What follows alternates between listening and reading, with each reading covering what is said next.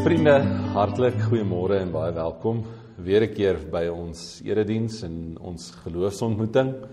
Ouder gewoonte bly dit ons gebed dat dit regtig iets spesiaals sal wees vir ons hier as 'n groep. Dat ons regtig tot mekaar en tot die Here sal nader en ook dat julle daar by die huis uh, op 'n baie spesiale manier as familie of miskien jy as individu regtig so 'n bietjie jou stem en jou hart en jou gees byvoeg by dit wat ons hier as 'n gemeenskap van geloof elke week kan vier en dit is God se genade. Nou dit gesê sal julle sommer sien vandag se tema uh en vandag se visuele uh mediums lyk like baie bekend. Dit behoort vir julle so 'n bietjie uh te voel soos dit wat ons mee besig was 2 weke terug. Uh julle sal onthou so 2 weke terug het ons gepraat oor gebalanseerde genade. En uh omdat ek net so 'n bietjie die week afgehaat het, Hannes het sy erediens in uh hierdie week wat verby is gedoen, het ek nogal 'n bietjie die tyd gehad om weer so 'n bietjie te gaan in inlees in genade. Uh, ek dink genade is een van die konsepte in die kerk waaroor ons die heel meeste praat, maar waaroor ons toevallig die heel minste sê. Uh dis so half asof mense wil sê maar dit is soos 'n uh, trigonometrie in wiskunde. Dis net te moeilik, jy weet. Weet daarvan, maar moenie te veel daarop ingaan nie. Ek kan onthou ek het so wiskunde juffrou gehad en ek meen sy het dit nou in 'n tegniese seunskool in die Vrystaat vir seuns probeer leer. En op 'n stadium het een van die ouetjies vir haar gesê, "Maar juffrou, hierdie sin kos en tan goed. Eh, ek verstaan daarvan niks nie." Toe sê sy, "Jy hoef niks daarvan te verstaan nie, jy moet dit net kan weergee." En ek dink baie keer doen die kerk dit met genade. Ons moet maar net sing genade is onbeskryflik groot en dis oukei. Okay. En ehm um, ek het nou besluit so in die lig van gebalanseerde genade om eintlik so 'n bietjie 'n reeks te maak oor genade. En ons gaan vir die volgende paar weke regtig net so 'n bietjie gesels oor die konsepte wat 'n uh, invloed uitoefen op genade en wat ook 'n uh, wat se genade invloed uitoefen op ons. En vandag wil ek bietjie praat oor diensbare genade. En julle gaan sommer sien daai prentjie Uh, dit is uh, ek het nogal gedink dis uh, die Engelse te woord 'n bietjie van 'n provocative prentjie. Dit lok iets uit by jou. Uh, toe my seentjie dit gesien het, het hy gesê die tannie se hande is vuil. uh maar dis vuil met blinkers en uh ek het nogal dit gekies as 'n tematiese prent. Ehm um, want ek dink genade vra van ons om ons hande vuil te maak. Uh en julle sal ook weet Augustus was vroue maand. Uh so julle sal sien al die prentjies vandag het baie te doen met hande wat uh, op een of ander manier vreemd is, maar dit het ook te doen met vroue hande. En vandag se teks gaan ook spesifiek oor twee vroue en uh, iets in hulle lewe wat ek dink vir ons iets leer oor genade.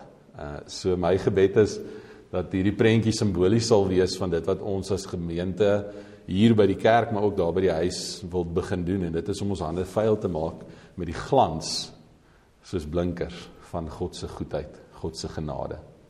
Dit dan gestel elke erediens begin met 'n fotum, 'n verwelkomingswoord en 'n seën. Dis waar ons onsself posisioneer, ons sê wie is God en ons groet mekaar met die sekerheid dat God in ons midde is. Hier waar ons is, daar waar jy is, God is teenwoordig. God is by ons, God is met ons. In Romeine 15 sê Paulus: "En mag God, hoor, die bron van alle standvastigheid en bemoediging, gee dat julle eensgesind onder mekaar sal wees, soos Christus Jesus dit wil hê. Dan kan julle almal eensgesind uit een mond lof toebring aan God die Vader van ons Here Jesus Christus. Dis mooi dat die Here ons roep tot eenheid. En uh ek dink baie keer verwar mense uh eenheid of eensgesindheid met eenparigheid. Dis dieselfde.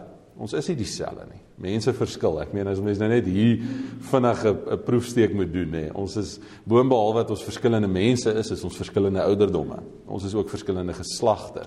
Ons het verskillende politieke uh, instellings. Ons het verskillende ekonomiese uh, vaardigheid. Ons is verskillende mense. En en dit sê nie ons moet dieselfde wees nie. Wat die wat die Here hier van ons vra is ons hart moet dieselfde klop. Ons ons ons fokus en ons visie en ons aanbidding moet eens gesind wees teenoor mekaar en teenoor God. In hierdie eenheid is natuurlik die genade van Christus. Hy sê dit so mooi, soos Christus Jesus dit wil hê. So met dit in gedagte kom ons sing 'n loflied. Ek ek hoop regtig julle het al begin om te sing in die huis. Ehm um, en dat julle sommer al al is die erediens verby dat julle op YouTube nog 'n klomp aanbiddingsliedere aflaai en en net saam die Here loof en prys. Dis die ding wat ek die meeste mis van uit die kerk nie meer normaal funksioneer nie. Is die lofprysing en aanbidding. Maar hier kan ons dit vanoggend nog vir 'n rukkie weer saam ervaar. So ek nooi julle om saam met my die woorde van die 213 te sing wanneer ons mekaar sê kom, kom volk van God vir hy veel stem. Kom ons wees een in ons aanbidding tot God.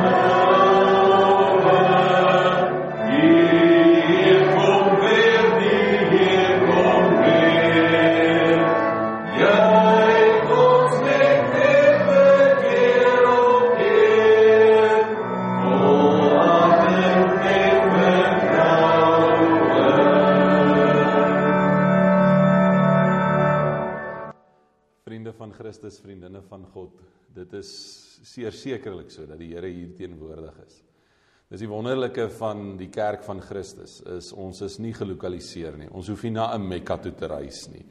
Ons hoef nie die heiliges van God te gaan opsoek nie. Die Here is in ons huise. Die Here is meer as dit in ons wees, in ons gees en daarom kan ons mekaar groet met die eenheid wat deur die krag van die Heilige Gees bevestig en bekragtig word. Genade, barmhartigheid en vrede vir jou van God ons Vader en Jesus Christus, ons Here. Hierdie wonderlike dinge is moontlik deur die krag van die Heilige Gees. Amen. Ons gaan vandag lees uit Filippense uit en 'n uh, ouer gewoonte klein bietjie agtergrond. So maak ons seker dat ons ernstig is met die woord van die Here. Jy kan nooit die Bybel buite konteks lees nie. Ehm um, ek ek dink dit sal uiters onverantwoordelik wees want dan gebeur wat ons al baie deur die eeue heen gesien het dan laat mense nie die Bybel praat nie. Hulle praat en hulle gebruik eintlik net die Bybel as 'n bevestiging. Konteks help ons om seker te maak ons weet ons weet werklik waar die stuk vandaan kom en wat die oorspronklike skrywer hierdeur vir ons wou sê. Nou as ons Filippense lees, ek dink meeste mense weet teen die tyd al dat Paulus Filippense geskryf het en dat dit bekend was as sy blydskapsbrief. Ehm um, dit is 'n gemeente wat ons weet vir Paulus baie vreugde gebring het uh en en wat hy natuurlik voor baie lief was. Paulus het reeds in sy tweede sendingreis hierdie gemeente gevestig. In uh Filippi, as jy wil weet min of meer waar dit is, dit uh, toevallig was die heel eerste kerk op die Europese bodem. Ehm um, so wanneer wanneer mense dink aan Filippense dan is dit eintlik so 'n simbool van van die sending wat begin ontkiem en wat begin grondvat. Uh en en en Paulus het met hierdie gemeente begin in sy tweede sendingreis, maar wanneer hy vir hulle hierdie brief skryf, is dit nie in sy tweede sendingreis nie. Dis 10 jaar later. Uh, nou jy kan nogal dink wat alles in 10 jaar moet gebeur, nê. Nee. Ehm um, Paulus is op sy sendingreis, hy vestig hierdie gemeenskap in in Filippi, hierdie gemeente en dan is hy weg. En uh, wat ons dan nou weet van hierdie tyd in Paulus se lewe is dat hy onder huisarrest was in Rome. En dit maak dit nogal vreemd want onmiddellik wil jy sê dis 'n blydskapsbrief, maar dis 'n blydskapsbrief wat in huisarrest geskryf word. Nou as ons net gaan kyk na Filippi, dan is dit belangrik dat ons vinnig vir mekaar iets moet sê. Ek het nou vir julle gesê dit was die eerste gemeente op Europese bodem. Maar wat ook interessant, verskriklik interessant is van hierdie dorp, is dit was 'n Romeinse kolonie. En min mense weet dit, maar daar was 'n groot verskil tussen Romeinse kolonies en Romeinse provinsies. Die provinsies was verowerde gebiede. So dit was eenvoudig gebiede wat verslaan was en die Romeine het gesê ons het julle nou verslaan, julle moet nou aan ons belasting betaal, maar julle kan nog steeds half julle eie regeringsstelsel uh, handhaaf en en julle moet net aan ons uh, kan 'n mens amper sê onderdanig wees. Maar die kolonies was iets anders. Die kolonies was eintlik soos klein Rome uh dorpies oor die wêreld heen gewees. Wat gebeur het is baie plekke, strategiese plekke wat deur die Romeinse ryk verslaan was, het hulle van hulle soldate agtergelos. En uh, baie keer as soldate afgetree het, dan was hulle beloon met grond. En die kolonies was dan nou eintlik 'n uh, uh, so 'n bietjie van 'n verlenging gewees van die Romeinse ideologie.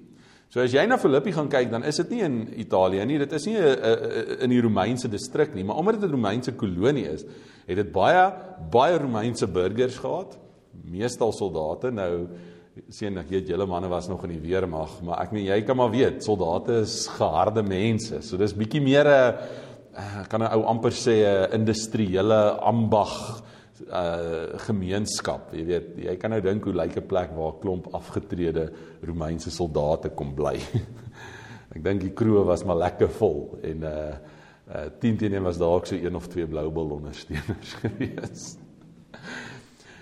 maar dit is 'n kolonie en dit is 'n harde industriële werksgebied.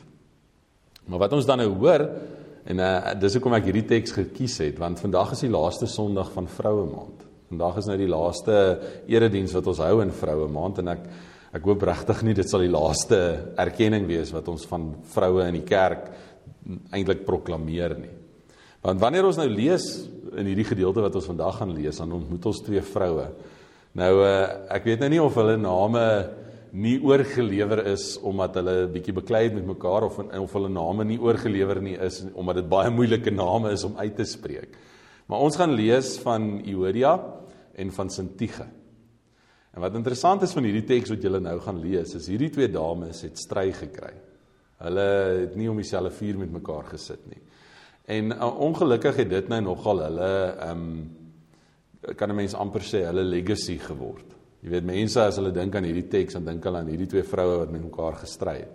En ek dink dis 'n vreeslike oneer wat hulle aangedoen word, want as jy die teks gaan lees, dan gaan jy sien hulle was deur Paulus gereken as medewerkers.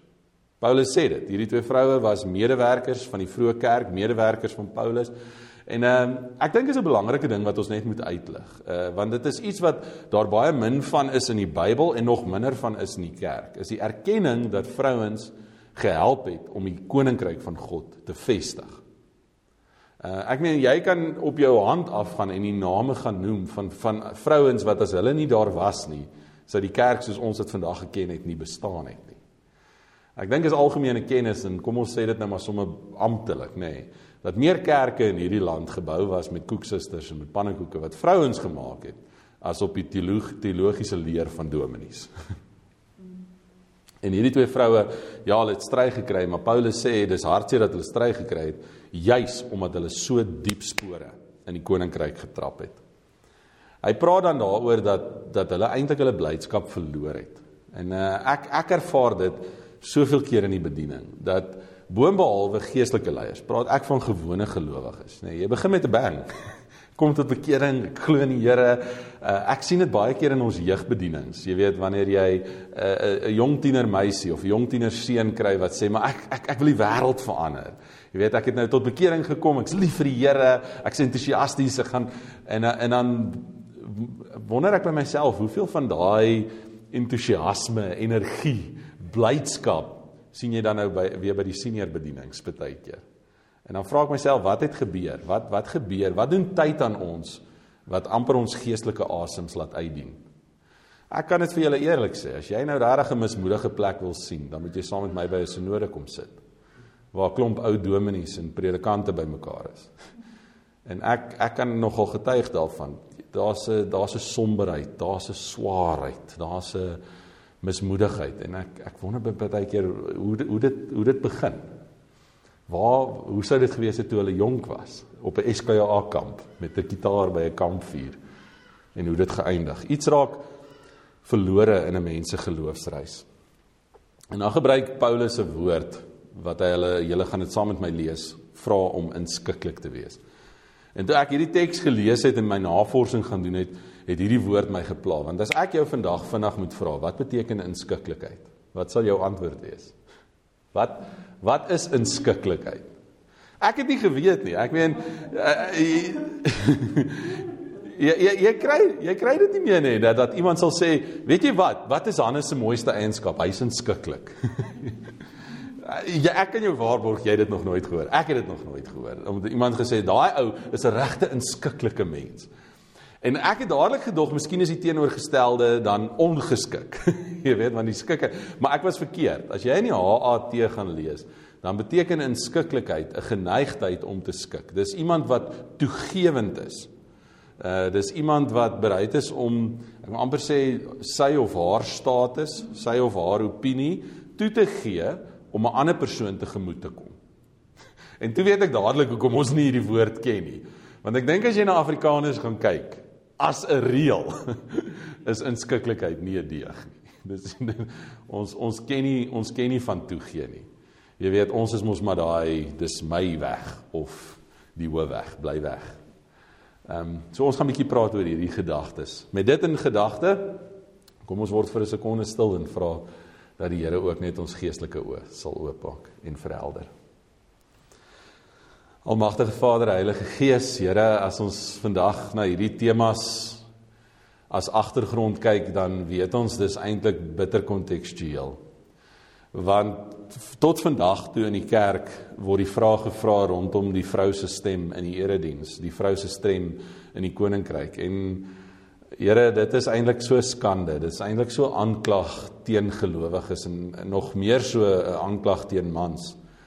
Omrede ons nie net dit weet nie, maar Vader, soveel kere dit ervaar en beleef en sien dat hulle beter voorbeelde is, meer toegewyd bid en verseker harder werk. En daarom kom bid ons regtig nie net die seën af op hierdie vroue maand wat verby is nie, maar kom bid ons die seën af op elke vrou, elke dame, elke meisie, elke moeder in kerke oor ons land heen.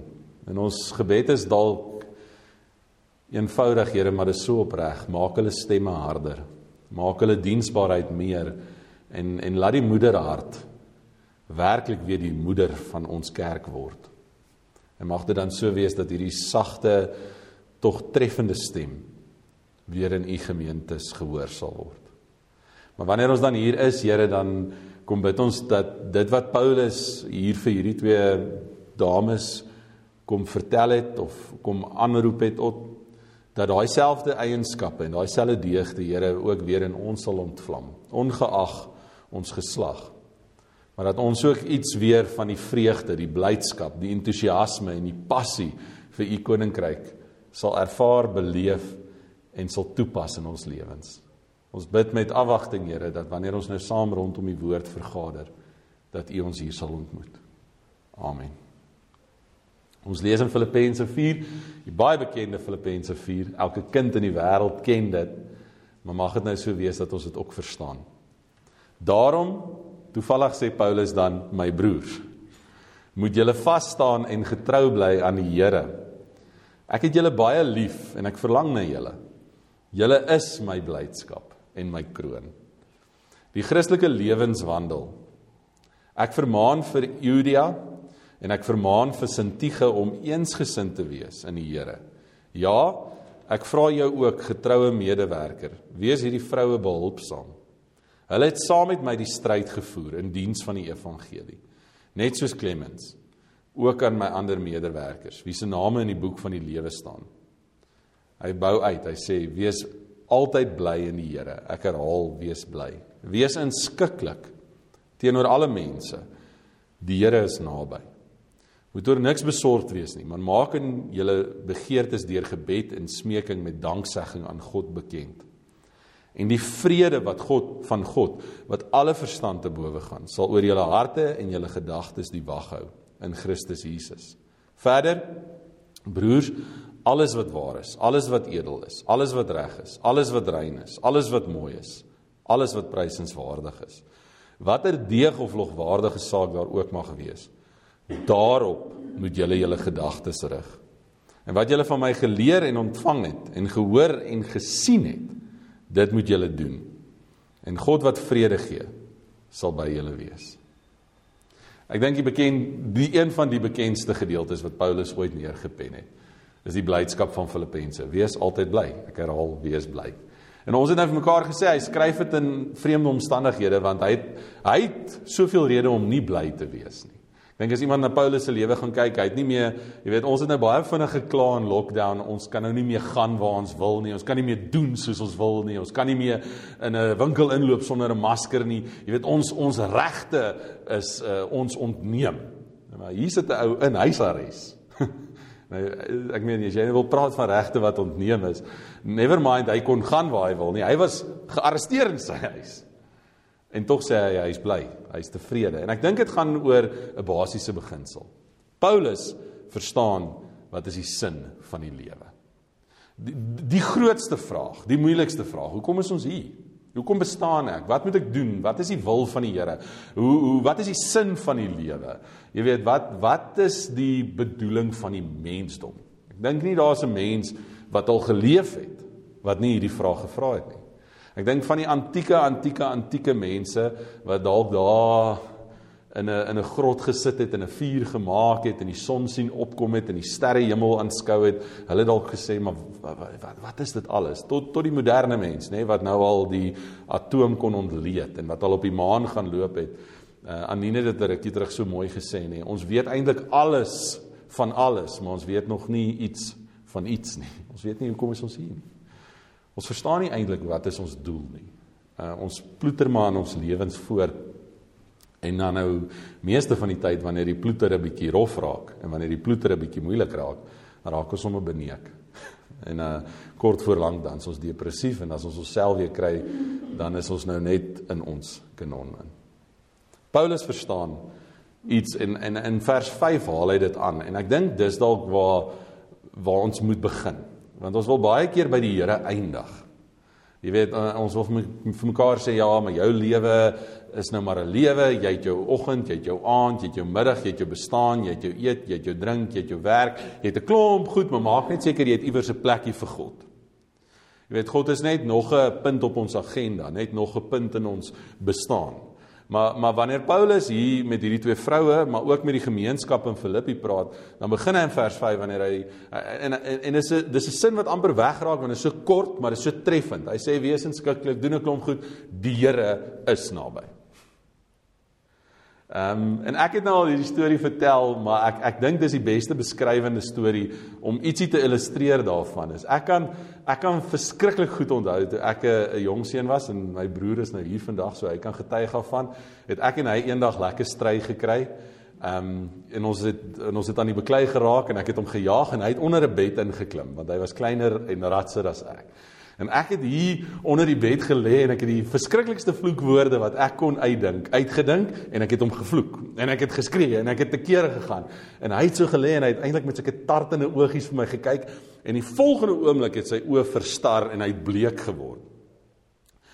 En ek het instinktief geweet dit het niks met my te doen nie. Ek het instinktief geweet my pa moet nou obviously hier wees. Want hy sal net so reageer as daar groot dreigement is. En my dreigement is nie so groot nie. En dadelik het ek ook hoe ek praat en wat ek vloek en hoe ek vloek en wat ek skree ook verander. En dit was net oor die teenwoordigheid van 'n gesagsfiguur in ons lewens. En ek wonder of Paulus nie hierdie konsep by mense wil begin tuisbring nie. Hoe sal jou lewe verander as die Here pertinent sigbaar die hele tyd langs jou loop? Wat sal jy anders doen? Ek ek ek wonder, sal jy anders bestuur? Uh miskien het jy al dit ervaar, nê, nee, wanneer wanneer 'n vreemdeling, iemand wat jy nie ken nie, vir 'n dag of twee saam met jou moet ry. Jy weet eers skielik is daar twee hande op die stuurwiel en die ratte is net 'n bietjie meer gemaklik, jy weet en jy vloek nie meer so vinnig en hard die taksies nie. Jy hou, jy hou selfs by die spoedgrens want hier's mos nou 'n toeskouer. Hier's 'n getuie. Hoe sal dit wees ek het hierdie ding al baie gedoen en dit is my die lekkerste oefening in terapie. As 'n man en vrou as aan die beklei en dan kom sit die vrou daar en dan sal sy sê, "Jy moet net sien hoe praat hy met my. Hy flik en hy gaan en dan en dan sal hy weer sê, "Ja, maar jy moet jy moet haar gesigsuitdrukking sien." En dan sal ek vir hulle sê, "Oké, okay, beklei hier. Nou. Praat nou met mekaar so." Ja, ja. En al wat verander het is die teenwoordigheid van 'n getuie. Die Here is naby. Ek weet jy weet en ek weet jy verstaan dit. Dis 'n simpel ding om te sê, maar dis iets wat ons nie eintlik glo of regtig toepas in ons lewens nie. Die Here is by jou. Jy weet wanneer jy regtig met jou vrou op die lelikste wat jy kan beklei, die Here aanskou dit. Meer as dit, die Here is daar. Jy weet wanneer jy die verskriklikste dinge agtertoe die Here uitdink en doen. Die Here is daar. Die Here die Here is by jou. En dis waar Paulus begin. Voordat hy nog vir jou sê wat jy moet doen, voordat hy nog vir jou sê wat jy behoort te doen, herinner hy jou daaraan God is by jou. En dis die verskil van die Christendom. Ons het nie 'n verwyderde verhewe entiteit wat in 'n hemel sit met 'n verkyker en na sy mense kyk nie. Ons God stap saam ons by ons. Daar waar jy vloek en skree en te kere gaan, daar waar jy werk en bedrieg en be, belieg, Daar's die Here. Hoe sal dit verander as jy weet hy's regtig naby? Ek dink vir my en vir jou ek ek dink dit het nou daai dag gebeur toe ek nou besef maar my pa is nou hier agter ons en hy is al klaar besig om sy beld los te maak want hy gaan vir ons bymekaar maak. Dan begin jy nou vreeslik vinnig smeek, nê. Nee. Ek is jammer pa, asseblief pa, moenie sê nie pa. Jy weet, maak dit reg probeer probeer die sleg toepluister. En ek dink dan verstaan ons vir die eerste keer hoekom Paulus vir hierdie mense sê maak in alles julle begeertes in gebed en in smeking aan God bekend. En ek wonder wat sal verander in jou gebed. Ons is baie vinnig om geregverdig te bid, nê. Nee, Here gee my, Here help my, Here doen vir my. Maar as die Here regtig hier langs my moet sit, wonder ek of sal die gebed nie iets anders wees van die Here in steede van om vir my rykdom te gee, gee my geduld. Maak dit vir my makliker om met hierdie stoute seentjie nou te kan omgaan. Here, Here gee my vrede in my huis. Maak dit vir my moontlik om nie so gejaag te moet leef nie. Here gee my wysheid om te weet wat moet ek vir daai onredelike kollega of daai onredelike bestuurder? Wat moet ek nou hier sê of doen? Wat vra ons regtig van God? Goed of deugde? Want Paulus sê vra vir deugde, inskikkelikheid. Uh hy hy voordat hy oor die deugde praat in vers 6, haal hy net so ek wil amper sê so ligte steekie in. En ek dink dis dis dalk tipies van Paulus. Want hier's nou mense wat beklei en julle sal onthou 2 weke terug het ons gepraat oor Korintiërs en dit was iemand wat iets lelik vir Paulus gesê het. En toe Paulus dieselfde ding gehad waar hy gesê het maar maar ek's dankbaar oor my tekortkominge want dit maak God se genade vir my genoeg. Is ons is ons dankbaar? Leef ons dankbare lewens? Ek ek weet ons sê ons doen. Maar jy weet daai dankie hoe hoe hoe opreg is daai dankbaarheid? Is jy regtig regtig dankbaar dat jy hier waar jy sit in jou lewe minimaal blootgestel was aan konflik? Is jy regtig erg dankbaar dat hier waar jy sit vandag, jy nie na 'n kerk toe hoef te stap en jy moet gaan smeek vir R500 omdat daar genoeg kos in jou yskas is nie? Is jy regtig regtig dankbaar hier waar jy sit dat jy gesond is? Hierdie van selfsprekendheid, nê. Nee, dit dis maar ek dink ons beste deeg. As ons aanvaar maar net. Moet so wees. Dis hoe dit hoort die moeilikste deel van hierdie teks en dit is nie dis eintlik die teks gedeelte waaroor die meeste gepraat word en ek gaan nie vandag baie hieroor praat nie want ek ek wil so 'n bietjie iets anders van die teks uitlig. Maar maar maar Paulus herinner hierdie twee dames. Julle julle julle het die koninkryk vergroot. Julle het vir mense vertel van genade. Julle het vir mense geleer van die krag van die Heilige Gees. Maar wanneer julle twee nou mekaar so invaar, wanneer julle twee nou so lekker beklei, dan dan sit die wêreld en hulle kyk. En en hierdie ding is nou nogal 'n ding wat die laaste 2 of 3 jaar verskriklike aanklag op my gemoed is. Weet elke ringsitting en elke sinodale vergadering en elke predikante byeenkoms waar ek is en ek hoor wat die ouens sê en ek sien wat die ouens doen, dan wonder ek wat wat, wat is die wêreld se opinie van Christene? En ek meen dit is nou al 'n 'n klise wat nou al opgebruik is, nê, nee, van mense wat sê maar as Christene gedoen het wat Christus gedoen het, dan sal meer mense tot bekering kom. Ek het nou in hierdie week 'n debat gekyk waar daar eintlik deur 'n Britse komediant die vraag gevra word of is die Katolieke Kerk 'n force for good of 'n force for evil? Bring die kerk meer lyding, bring die kerk meer seer, bring die kerk meer konflik of is die kerk goed vir mense? En ek dink aan my eie lewe. Ek dink aan goed wat ek al gedoen het en goed wat ek al aan mense ge, gesê het en goed wat ek al aangevang het. En dan vra ek myself die vraag: Was ek was ek goed vir mense of was ek was ek nie maar deel van die probleem nie? Is die kerk is Christene die antwoord of is ons nie maar geneig om deel te wees van die probleem nie? In vers 8 en en ek gaan dit lees want ek het nogal hierdie teks bygesit sê Paulus En voordat ek dit lees, wil ek vir jou vra maak 'n checklist. Jy kan nou besluit as jy dit maklik wil doen vanoggend, praat oor die kerk. Toets die kerk, weeg die kerk. Is die kerk hierdie goed? As jy bietjie meer eerlik met jouself wil wees, toets jouself. Is jy hierdie goed? Skryf jou naam op 'n CV en dan vra vir jou vir jouself, kan ons hierdie ding as die heel eerste paragraaf op jou CV neerpen? Alles wat waar is. Alles wat edel is alles wat reg is. Alles wat rein is. Alles wat mooi is. Alles wat prysenswaardig is. Watter deeg of logwaardige saak daar ook al mag wees daarop moet jy julle gedagtes rig. OK. Maar was so vinnige vyf sake. Het enige iemand 5 uit 5 kon kry?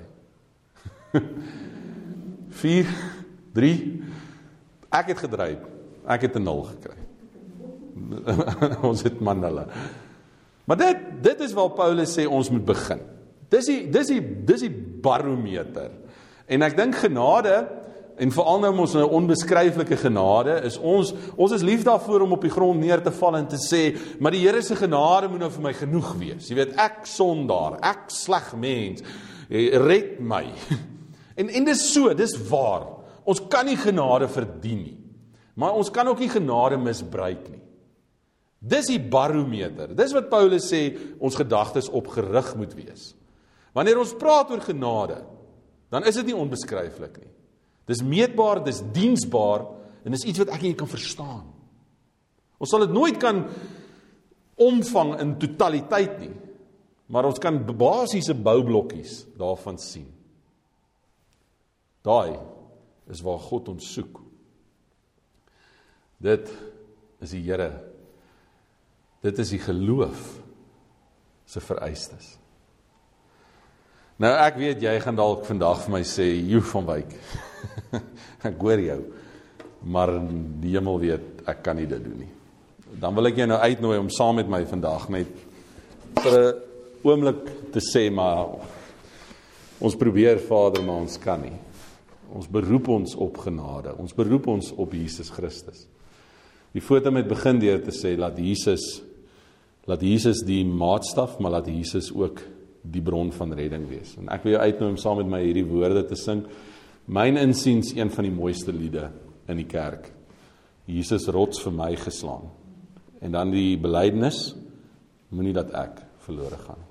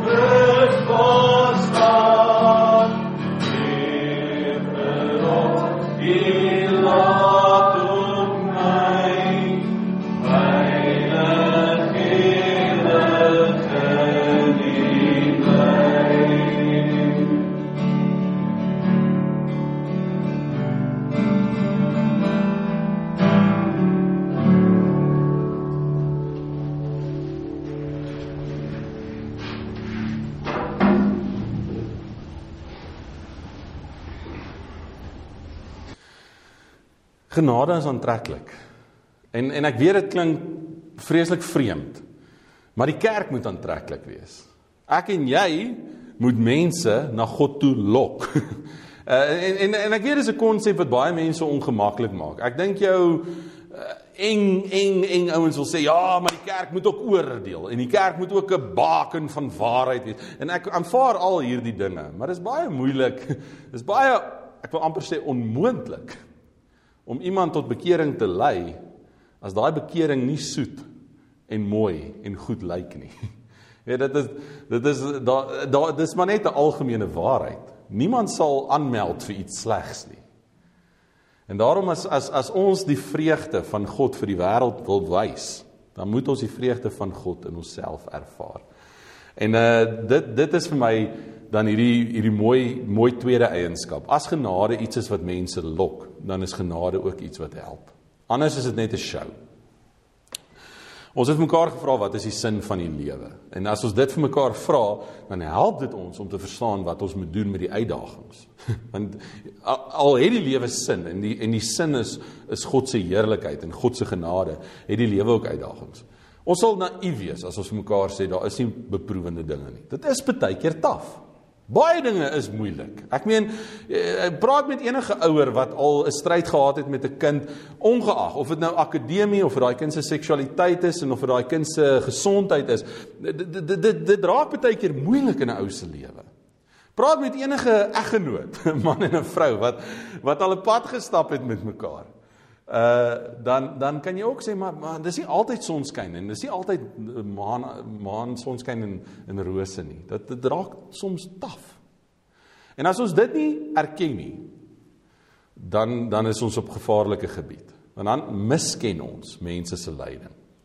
En wat Paulus dan hier doen en ehm um, dit dit is vir my so ongelooflik baie keer hoe Paulus dit reg gekry het om basiese kristologiese konsepte te verwoord. Wanneer hy praat oor die sin van die lewe, dan sê hy God is naby. En wanneer hy dan nou 'n bietjie praat oor die uitdagings wat hy in sy eie lewe ervaar het, want ek is seker die mense in Filippi sal sê, hoorie Paulus, jy's nou 'n lekker ou om ons te kom uittrap, omdat ons nie inskikkelik is teenoor mekaar nie. Jy's nou 'n lekker ou om vir ons voorbeelde te gee. Maar kyk, jy jy sit met jou bas in die tronk. En dan kry Paulus dit reg om amper te sê, ja, daar's uitdagings in die lewe, maar wat so mooi is van hom, is hy sê in vers 10 en uh, tot vers 18 praat hy oor hoe die gemeente hom bystaan. Dan sê hy na so lank tyd het julle weer gewys dat julle nog steeds aan my dink. Hierdie is vir my die essensie van Christendom. En ek dink dit is ook die essensie van die kerk wat deesdae ondermyn word. Want want ons leef in 'n wêreld waar suksesvolle Christendom makro is. Hoe groter, hoe ryker, hoe sterker, hoe blinker, hoe mooier. En dit was nog nooit die sterkste deeg van die kerk nie. In die in die vroeë kerk was die beste en die mooiste kerke klein, intiem en prakties. Hulle het gehelp. Hulle was beskikbaar, hulle was toeganklik. Hier hier hier's die hoofsendeling. Ek meen hierdie ou die kerk gestig. Nee, ek meen as hy nou 'n rots moet wees, dan moet Paulus mos nou 'n rots wees. En en die een ding wat hy vir hierdie gemeente wil sê, is dankie dat julle aan my dink. Dankie dat julle buite julle wêreld die moeite doen om 'n saak te hê met my. Die die die moeilikste vraag vir my om vandag vir myself te vra is wanneer het ek werklik die laaste keer in my lewe onverwaarlik 'n ander gedien? Wanneer het ek sonder wanneer laas het ek sonder 'n bymotief of 'n bybedoeling of 'n verwagting iets vir iemand anders gedoen? En ek weet julle is beter as ek, maar ek meen my antwoord is nie 'n mooi antwoord nie. Jy weet want ons boeke moet balanseer. En as ek nou daarom vir jou gebel het op jou verjaarsdag en jy vergeet van my uitsa. jy weet of as ek nou vir jou net net bietjie iets in jou lewe kom doen het en jy doen nie iets vir my nie, dan sê ek nou baie opset. Maar die kerneienskap van die kerk moet diensbaarheid wees. Die kerneienskap van geloof moet hulp vir ander wees. Wanneer en en ek hoop julle tel so iets op van die sinspeling wat ek graag wou bereik. Wanneer ons praat oor die sin van die lewe, dan sit God wat naby is. En wanneer ons praat oor die uitdaging van die lewe, moet ek en jy naby wees. En as jy nou regtig fyn teologies luister, dan sal jy miskien iets hoor van Jesus wat vir die skrifgeleerde gesê het: liefde vir God en dan liefde vir jou naaste. Tevredenheid. Nou ek het ja, ek het ek het die ongelooflikste ouma in my lewe gehad en sy was 'n tevrede mens. Sy het boggerol gehad. Sy het sy het niks gehad nie. Sy het nie 'n paleis gehad nie. Sy het nie maar sy was 'n tevrede mens en en as ek en sy gaan stap het in die oggend en sy altyd vir my gesê, onthou te pas net by tevrede en te voet. En uh, dan was dit vir my altyd lekker om haar te irriteer want sy het geweet ek het swak gedoen op skool en dan sê ek maar wat van tamatie. en dan sal sy vir my sê nee, dit spel hom nie so nie. Maar ek ek dink die kerke, ek dink Christene, ek dink ek is te. Ons is te vol tierlantuintjies. Weet ons ons het 'n klomp klomp dinge en dan nog iets gebeur en ons nog iets kry en ons nog iets doen en ons jy weet net nog nog nog ons is nie tevrede nie. Die die die dryfsfeer van die moderne westerse mens is om ontevrede te wees. Inteendeel, Tevredenheid word deesdae afgemaak as as 'n luiheid of 'n laksheid. So hulle hulle hulle vir jou sê, "Is jy gelukkig met hoe jy lyk?" En jy moet sê ja. Dan sê hulle, "Nee, jy kan nie wees nie. Jy's te maar, jy's te vet, jy's te bles, jy het te veel hare. Ons moet iets doen. Ons moet jou nog 'n bietjie help. Is jy tevrede met jou banksaldo?" Uh, ja. Jy kan nie wees nie. Wat gaan gebeur as jy 80 jaar oud is? Nee, is jy tevrede met jou werk? Hoe kan jy tevrede wees om 'n ander man ryk te maak? Ons moenie tevrede wees nie. En tog, wanneer Paulus praat, dan sê hy ek het geleer om my in alle omstandighede te behelp. Vertaling ek is tevrede. Paulus, jy sit in die tronk. Dis oukei. Okay. Hier sal ek 'n loflied sing. Hy het die deur gaan oop. Dalk moet ek hierdie soldaat vertel van Jesus. Paulus, jy het nie 'n sent op jou naam nie. Maak nie saak nie. Die mense in Filippi stuur nog elke maand vir my kos. Ja, maar Paulus, jy het nie 'n vrou nie. Christus is my bruid. Paulus is 'n les in tevredenheid.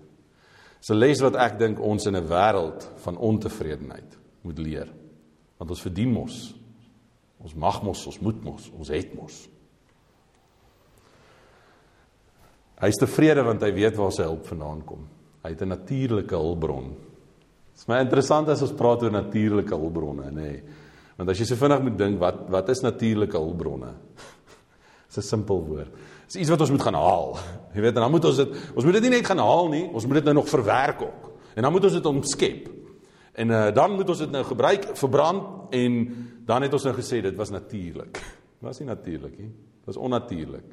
Daar's net een natuurlike hulpbron en dis God. Dis die Heilige Gees. Hy hoef nie verwerk te word nie. Hy hoef nie eh, verfyn of of geherdefinieer te word nie. Hy is 'n bron van krag, gratis en verniet in genade tot diens. En dit is waar Paulus dan 'n sin sê wat ek dink in die kerk nie net eenmal nie, maar legio gemisinterpreteer word. Ek is tot alles in staat. Ek is tot alles in staat deur hom wat my krag gee. En die wêreld sal vra maar, okay, hoekom hoekom kom jy nie uit die tronk uit nie? Jy's mos nou tot alles in staat. Die wêreld sal sê, "Oké, okay, maar hoekom haal jy nie daai doring uit jou vlees uit nie? Jy's mos nou tot alles in staat." Die wêreld sal sê, "Oké, okay, maar hoekom vra jy nog steeds die gemeentes vir hulp? Jy's dan tot alles in staat." Maar verstaan wat Paulus hier bedoel. Ek is tot alles in staat deur hom.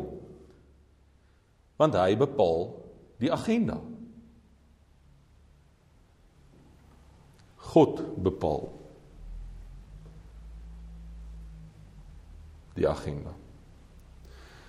Wanneer Jesus dan in Matteus 5 sê, laat julle lig so voor die mense skyn dat hulle julle goeie werke kan sien en julle Vader wat in die hemel is, dan daarvoor sal verheerlik. Dan verstaan ons dat dit nie 'n wettiese teologie is nie. Dis nie dwang nie, dis nie verpligting nie. Dis 'n oproep om in te klok of in te prop by God. Lus vir die lewe. Ons het gepraat oor die sin van die lewe, ons het gepraat oor uitdagings in die lewe. Lus vir die lewe. En nou kom ons weer 'n bietjie by hierdie tienerbediening en seniorbediening. Ek het 'n artikel gelees en uh julle moet my nou regtig vergewe. Maar in die artikel skryf hy ou, die probleem in die kerk vandag is daar's te veel toms en te veel wows. en sy vertaling vir toms en wows is hy sê tired old men and weary old woman. En hoor my baie mooi en laat ek dit sommer nou prontuit sê, dit het niks met ouderdom te doen nie.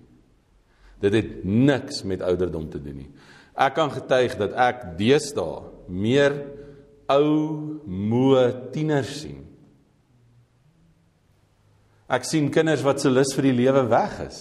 Ek sien tieners wat hulle self oorgee aan drank en aan dwelms want dit is is net iets anders as hierdie daaglikse gesoeg en gesweet, hierdie moedeloosheid. Ek het nou eendag met 'n vriend gepraat en hy het vir my gesê van wyk hoe hoe hoe kompleks, hoe moeilik moet dit wees om in vandag se tyd 'n jong mens te wees. En ek kyk na my eie twee seuns en ek dink by myself, maar wat wat kommunikeer die wêreld aan hulle? Die wêreld is wreed, die wêreld is rof, die wêreld is lelik, die wêreld is swaar en somber en moedeloos, is taaf. Ek dink selfdood is aan die toeneem meer as wat dit ooit was in die geskiedenis van die mensdom. En dit gaan daaroor dat mense net nie meer lus het nie. Hoeveel keer het vriende en vriendinne by jou kom sit met hulle huwelik en gesê ek het nie meer lus vir dit nie. Ouers by jou kom sit en sê ek het nie meer lus vir hierdie kinders nie. Personeellede wat kom en sê maar ek het nie lus vir my werk nie. Ons is lus vir niks. Ons lus is verlore.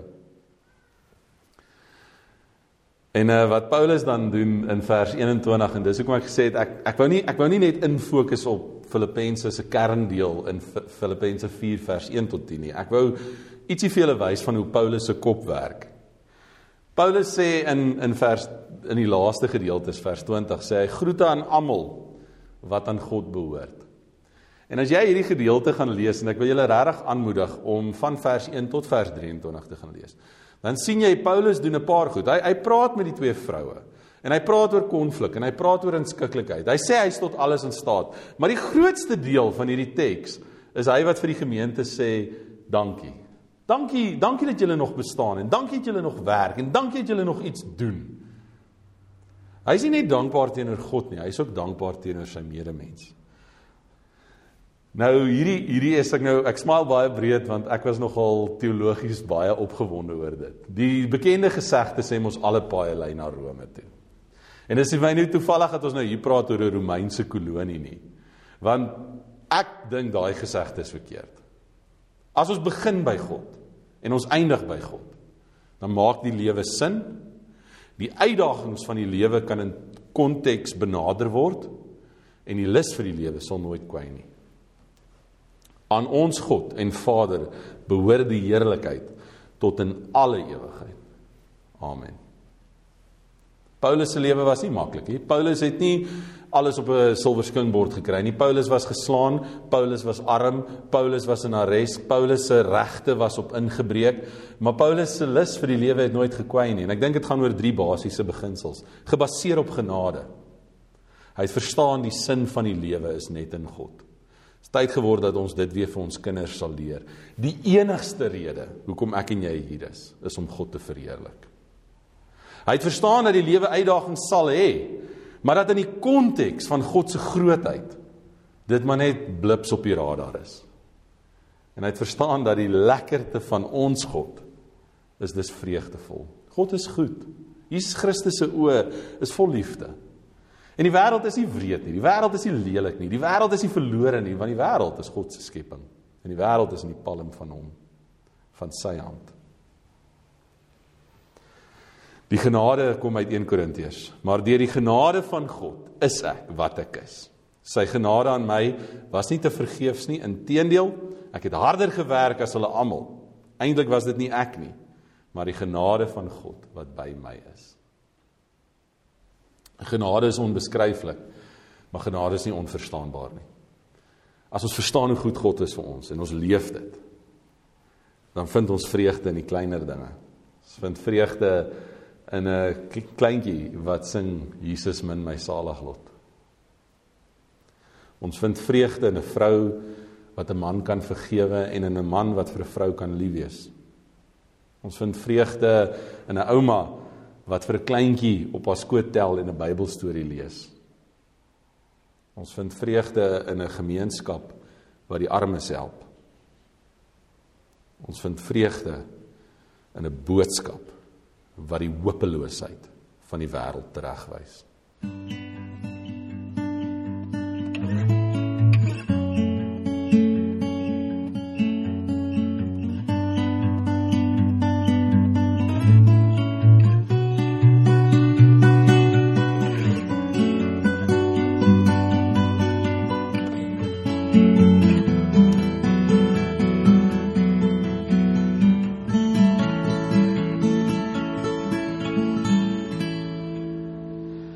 Hoop julle by die huis het sommer nou lekker gesels. Ons het bietjie verlore geraak in ons gesprek.